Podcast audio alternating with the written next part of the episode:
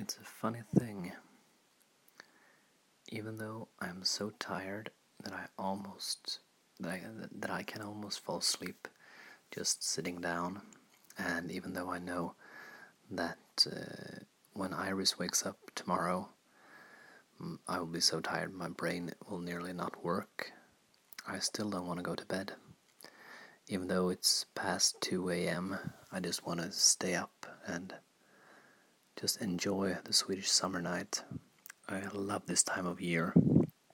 This almost midnight sun thing that goes on uh, in the part of Sweden where I live. I was just outside of the house for a quick walk and I looked out over the lake and I realized that the sun is almost about to rise. And it is just a few hours since it sort of set, and it has not been really dark in the interim. And yeah, this time of year just just fascinates me. It just gets the night owl in me going, and I just want to stay up, up, up, up, never go to bed.